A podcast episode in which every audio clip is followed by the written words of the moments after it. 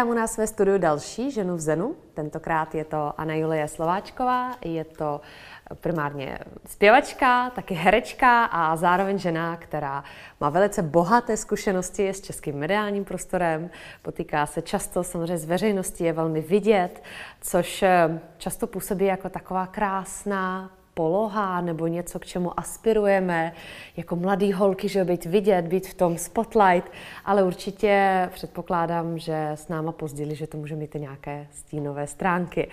Moc krát děkuji, že jsi přijala pozvání. No já moc děkuji za pozvání, že jsem si tady s tou dneska můžu popovídat takhle.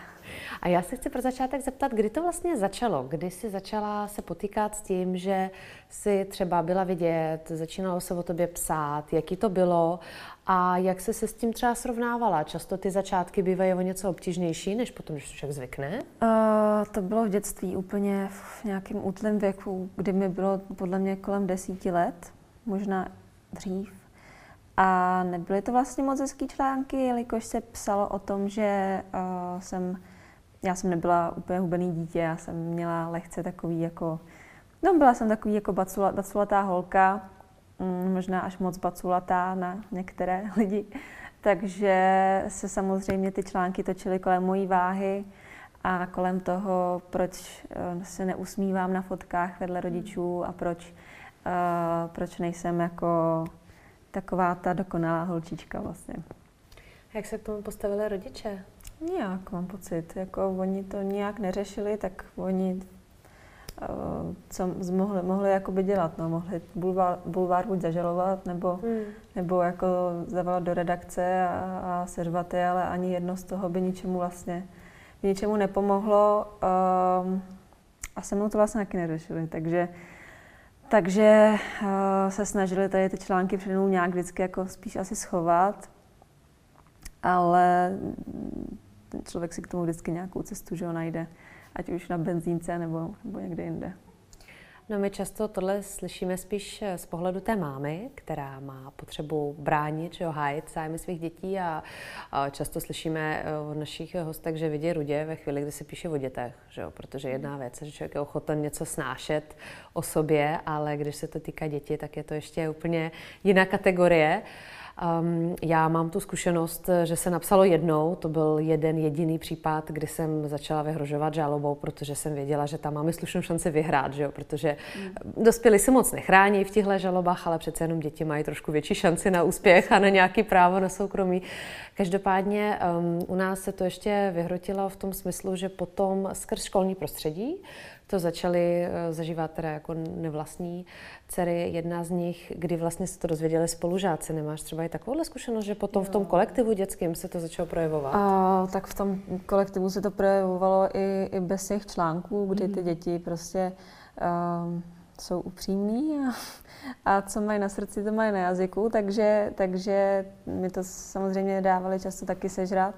Tam jednou dorazil můj brácha a, a naštrádoval se to přímo do třídy a v kožený bundě a byl takový, jako, že mě doprovodí domů a protrousil něco, že ještě někdo se mi tady bude smát, takže se na něj počká jako před školou a, a tak. Takže ten to vzal do vlastních rukou. Mm-hmm. A od té doby se to lehce jako tak nějak uklidnilo, ale, ale vždycky jsem to tak jako nějak slýchala a, a vlastně až na nějaký střední, jako ke konci se tady to jako tak nějak jako uklidnilo.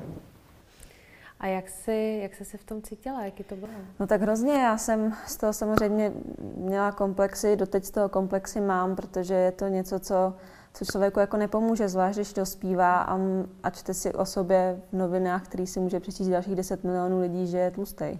To nepomůže jako nikdy, nikdy ničemu a nikomu.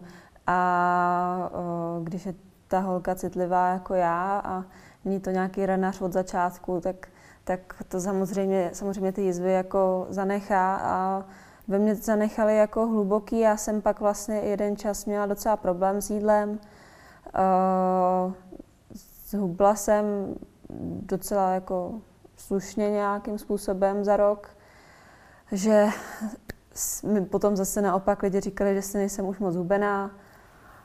Nikdy se člověk nikomu jako nezavděčí. No. A nejdůležitější nebo nejhorší na tom je, že to vždycky odskáče jako zdraví tady ty věci, takže jsem pak začala mít problémy se žaludkem, začala jsem uh, mít imunitu špatnou a podobně, takže všechno bylo jako v ruku ruce spojený a hlavně ta psychika to strašně jako uh, schytala. Tam prostě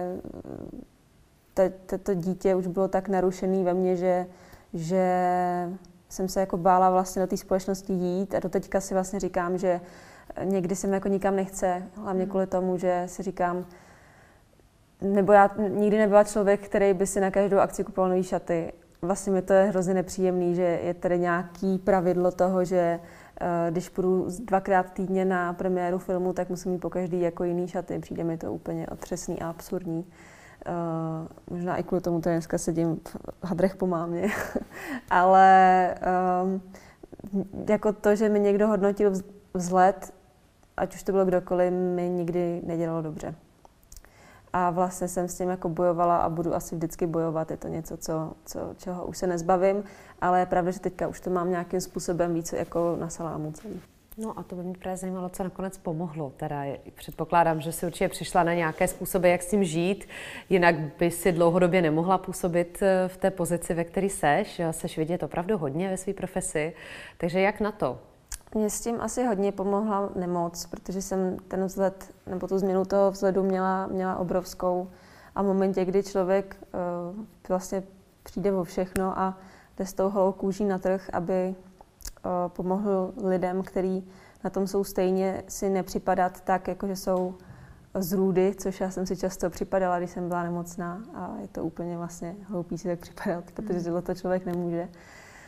Tak v ten moment jsem si řekla, že není nic důležitějšího, než to, jak eh, se člověk eh, opravdu cítí, to, eh, co ta psychika s ním dělá a pokud je něco, co mu tu psychiku narušuje, tak si musí prostě otevřeně pracovat, musí uh, si najít nějaký svůj způsob, nějakou svoji cestu, která mu v tom pomůže, ať už je to terapie, ať je to nějaký třeba jako velký, větší sdílení s více přáteli, ať je to meditace, ať je to ponoření naopak sám do sebe, vyboxování, vymalování, prostě cokoliv. Mně pomohla hodně ta terapie. Hmm. Pomohlo mi uh, o tom prostě mluvit, o tom, že tohle jsem jako já a už se nebudu schovávat, eh, nebudu, nebudu říkat, že nemám celou týdu, když ji mám, nebudu dělat, že nemám špeky na břiše a že se mi neklepou ruce, protože taková prostě jsem. A kdo mě nemáte rádi, tak mě nemějte rádi. Jako já se vám nebudu zavděčovat. Já jsem šťastná, že můžu žít, že můžu žít zdravý život, že uh, můžu dělat práci, která mě baví. A pokud mě nikdo bude soudit jenom na základě mýho vzhledu, aniž by mi dal šanci mě nějak osobně poznat do hloubky, tak ten člověk nemá v životě nic dělat. Máš nějakou svoji komunitu, předpokládám lidi, který znáš, na kterých tě záleží, který tě podporují a to je asi možná i místo, které dává útočiště třeba ve chvíli, kdy to není úplně příjemný. Určitě, určitě. Já jsem si už na základce vytvořila uh, partu mých nejbližších přátel, kterým můžu vždycky zavolat, když vím, že bych něco potřebovala a oni naopak mě. Takže oni tvoří tu to moje útočiště a snažím se to tak nějak jako opatrovat, aby ty vztahy furt jako byly, aby nezanikly, což je v té době hrozně těžký, protože jsme se pořádně přes rok vlastně neviděli. A každý si tak nějak začal žít tím svým covidovým životem, mm. a, ale mít opravdový přátelé, který pro vás znamená jako fakt to druhý já, ukážu vám to zrcadlo, když to člověk potřebuje a tak je podle mě jako úplně nejvíc. To je krásný. Vzpomeneš se na nějakou poznámku, která byla spíš třeba humorní, než aby byla vyloženě jako na nějakou situaci, že si říkáš, Ježíš Maria, takovýhle středověk, to snad není možný.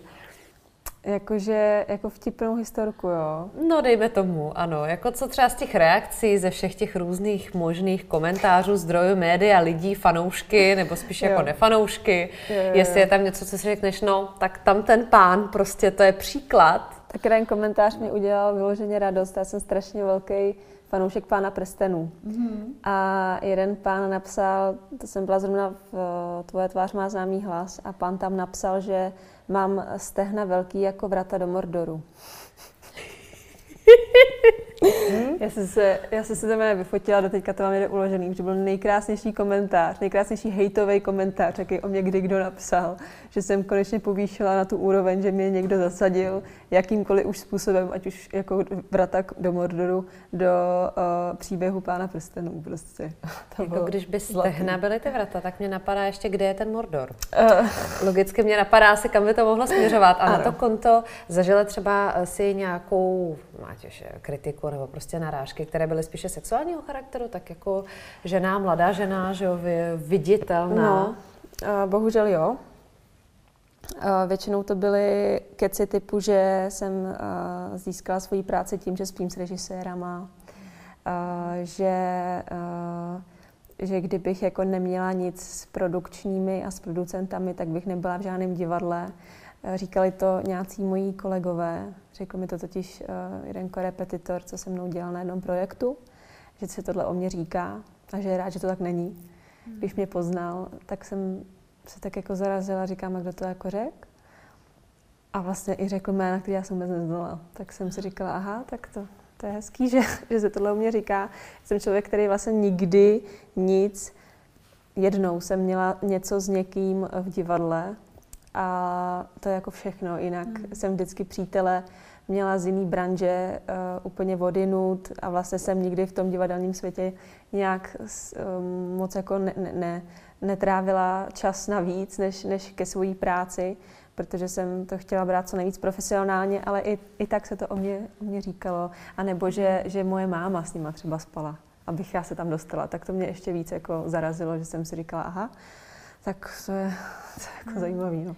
To je bohužel hodně smutný. Zase můžu tě ujistit, že nejsi daleka první tady u nás na gauči, kdo tohle vypráví a v podstatě jakýkoliv ženský úspěch se občas bohužel přisuzuje tomu, že byl dosažen jinak než práci, talentem a vlastně tvrdou dřinou třeba, že to, což je, což je velmi smutné, že se to stále objevuje a je to v pořádku, nebo není to v pořádku. Nejhorší je, že já si ani o sobě třeba nemyslím, že bych eh, se někdy chovala před někým nějak jako vyzývavě, nebo, hmm. nebo že bych jako, jako dávala nějaký signály, nebo vůbec někomu takový, já to ani neumím, jako třeba spirtovat lidma, podle mě vůbec neumím. Já budu úplně nejhorší člověk, co nejhorší ženská na flirtování. Prostě já jsem takový jelito, já jsem fakt jako dement v těchto těch věcech. Takže uh, vůbec vlastně nevím, jako kde to vzniklo, jestli to fakt jako uh, udělala čistá závist, nebo opravdu to, že mi ten člověk daný neměl rád a vymyslel si to a chtěl mi nějakým způsobem uškodit. Nevím. Nevím. A nebo bych to možná měla dělat, třeba bych tu práci teďka měla, že jo? Ní, jako, já nevím, opravdu. A když si něco takové dozvíš, co s tím děláš? Mažeš, blokuješ, odpovídáš, vyvrácíš, nebo máš třeba někoho, kdo tě to čte a maže, i takovéhle strategie, jsem to slyšela. A když... Tomu komentáře, diskuze, nebo jestli máš nějaký prostor, nevím, u sebe to čteš, ale pokud je to v nějaký diskuzi na idnesu, tak to nemá cenu. Upřímně, když čtu nějakou diskuzi kdekoliv, hmm. tak běžím k záchodu a čekám, jestli budu zvracet nebo ne. Hmm. Fyzicky opravdu to hmm. tak je. Uh, je mi strašně zlé z toho od žaludku. Začnu se úplně jako klepat a je mi úplně jako dopláče, protože tím někdo strašně podkopává všechno, co já se jako budu. Že? Je to, jak kdybych tamhle uh, já nevím, já, já, já ani nedokážu vymyslet příklad, který by třeba takhle mohl někomu blížit. Ale když mi to někdo řekne, ono je vlastně nejvtipnější to, že mi to nikdo nikdy neřekl do očí, tady ty věci. A v momentě, kdy mi to nikdo neřekne do očí a ten člověk pro mě nebude nic znamenat, já ho nebudu znát, tak samozřejmě si z toho něco vezmu, zkusím, to, zkusím si to sama říct do zrcadla, co to se mnou udělá. Hmm. Moje oči, moje pusa. Uh, přeberu si to v hlavě, jestli tam je nějaký ždíbek pravdy, jestli, jestli to opravdu tak je, proč si to ten člověk vymyslel. Zkusím si z toho něco odníst, ale většinou se to prostě musí pustit. Já už bych, já už bych spáchala 300krát sebevraždu, kdybych, hmm. kdybych se z toho měla jako kdybych se z toho měla hroutit, protože, a to, že jsem se z toho 300krát jako zhroutila a vím, že se ještě tisíckrát zhroutím, protože já jsem prostě citlivá a když na mě někdo zatroubí na červený, tak se rozbrečím v tom autě prostě. Mm. Takže uh, je to asi, je to asi, tady platí i to pravidlo, že co tě nezabije, to tě posílí. Mm. A to, to je prostě jako podle mě hlavní věc, která může člověka v těch věcech posílit. Jako Zkušenost. Zkušenosti, no. Hmm. A co bys doporučila někomu, kdo je třeba víc na začátku, potýká se poprvé, po druhé, říká si často, aspoň to je ten feedback, který máme, asi něco dělám špatně, asi jako na mě je třeba něco špatně, proč se to děje? A vlastně takový ten předpoklad, že se to dělá jenom mně. My se snažíme v rámci projektu samozřejmě poukázat na to, že se to děje v podstatě, neříkám, že úplně všem, ale bohužel velké většině žen, které jsou nějak vidět, tak co bys řekla takovýhle mladé ženě nebo prostě ženě, která začíná s tím, že najednou vystrčí růžky a No, jak říkala tady Olenka Lounová, a okamžitě dostane přes růžky. No, jasně. No. Uh, já bych jí asi doporučila, aby šla za nějakou svojí blízkou kamarádkou nebo kamarádem, ale opravdu jako člověkem, který, který s ním mluví upřímně a zeptala se ho na to. A jestli jí ten člověk to potvrdí, tak by na sobě měla pracovat jiným způsobem. Jestli jí to vyvrátí, tak uh, jedním uchem tam, druhým ven.